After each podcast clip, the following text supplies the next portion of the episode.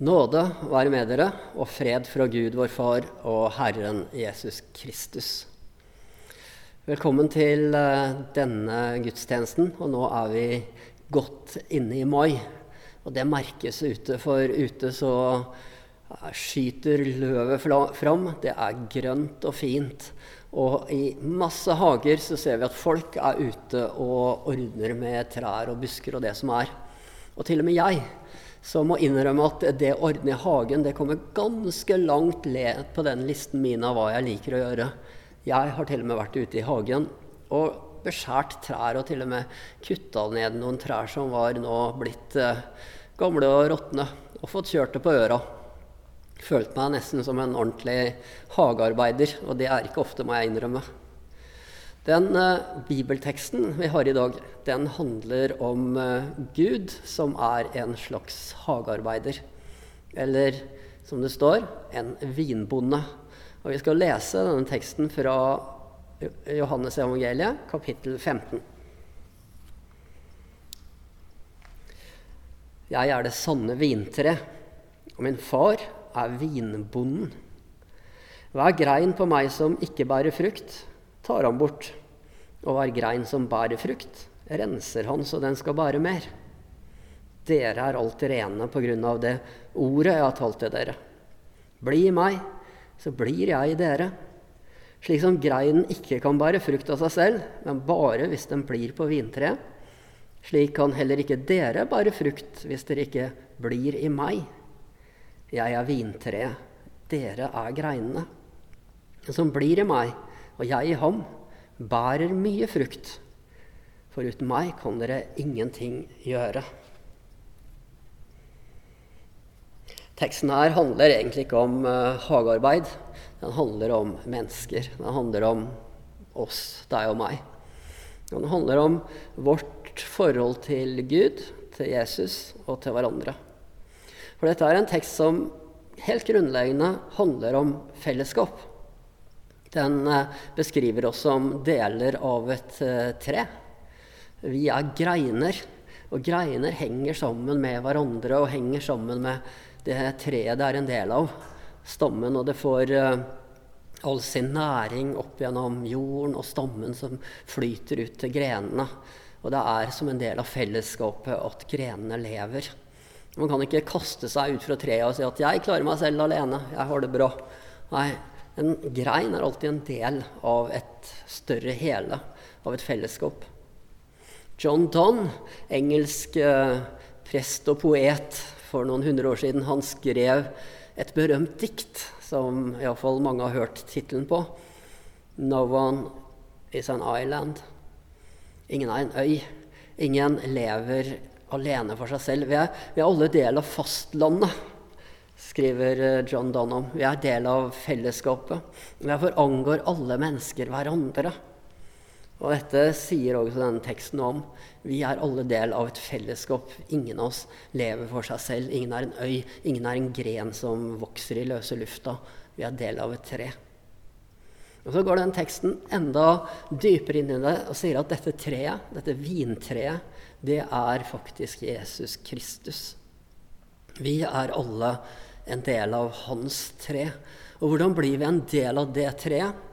Vi er det ikke naturlig, ifølge Bibelen. Men det skjer noe med oss. Vi blir poda inn. Og vi blir poda inn gjennom dåpen. Vi blir døpt inn i fellesskap med Jesus og med hverandre. Og så tilhører vi plutselig både Gud og et stort fellesskap. Og dette fellesskapet, det er nå en sterk, ny familie som vi får lov til å være en del av.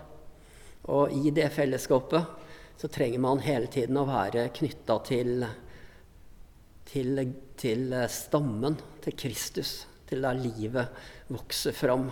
Der sevjen, der kraften, der alt får sitt liv fra.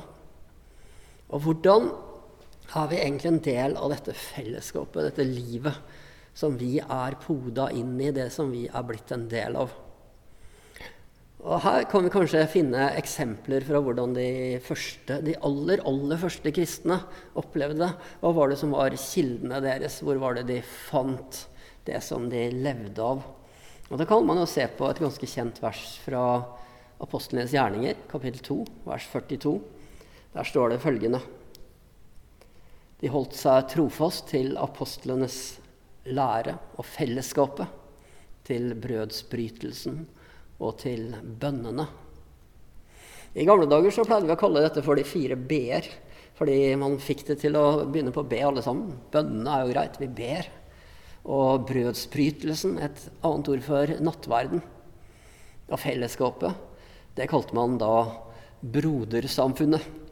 Det at vi var felles som brødre eller søstre. Og så ordet, Guds ord, Bibelen, som gir oss dette ordet. De fire b-ene. Det å kunne leve i bønn. Det å kunne lese i Bibelen, det å ta del i nattverden, det å ta del i fellesskapet.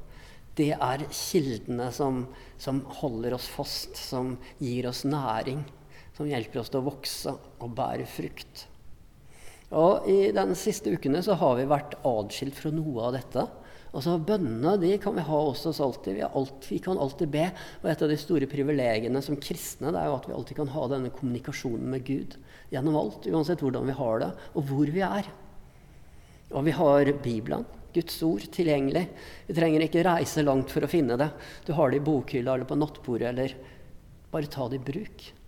De to siste tingene de har det vært litt mer eh, skrint med i det siste. Brødsbrytelsen, nattverden. Jeg vet det er mange som lengter etter det, å kunne komme til kirken og ta del i nattverden igjen. Det helt spesielle måltidsfellesskapet mellom deg og Jesus, og som vi gjør i fellesskap. Der Jesus gir seg selv til oss helt fysisk og blir, og vi får Jesus som en del av vårt liv helt fysisk. Eller fellesskapet, da. Det å kunne komme sammen, det å kunne synge sammen, det å kunne glede seg sammen, det å høre Guds ord sammen, det å drikke kaffe sammen, det å være sammen som en familie, det er noe som mange av oss, og ikke minst jeg, vi savner at det skjer, og vi gleder oss til at det skal skje igjen. Disse kildene, disse fire kildene som renner inn i livet vårt, det er det viktig at vi tar del i. Bli i meg sier Jesus, så blir jeg i dere. Og vi spør hvordan skal jeg være i deg, Jesus? Jo, ta del i de kildene der jeg gir deg liv. Ta del i fellesskapet, kom til nattverden. Les Bibelen din, be til meg. Så vil du leve i dette dynamiske fellesskapet som skaper noe i deg hele tiden. Hva er det som skal skapes? Og Her finner vi et annet bibelord som vi kan se på også. I Galaterbrevet kapittel 5 vers 22 så snakker Paulus om de fruktene som Ånden skaper i oss. Dvs. Si de verdiene eller egenskapene eller hva vi skal kalle det, som kan skje i et dynamisk samspill med Jesus. Og det er følgende Åndens frukt er kjærlighet, glede, fred, overbærenhet, vennlighet, godhet, trofasthet, ydmykhet og selvbeherskelse. Når jeg leser den listen, så kan jeg tenke mange forskjellige ting. Jeg kan tenke f.eks. at et menneske som har de egenskapene, det er et godt menneske å være sammen med. Som er tålmodig og kjærlig og vennlig og full av godhet. Det er sånn jeg også ønsker å være. Som jeg kanskje er i noen av mine beste øyeblikk, men som jeg langt fra alltid er. Jeg tenker at du har det litt på samme måten. Du ser at dette er noe vi, vi alltid kan strekke oss etter. Noe som vi ønsker skal prege livet vårt enda mer.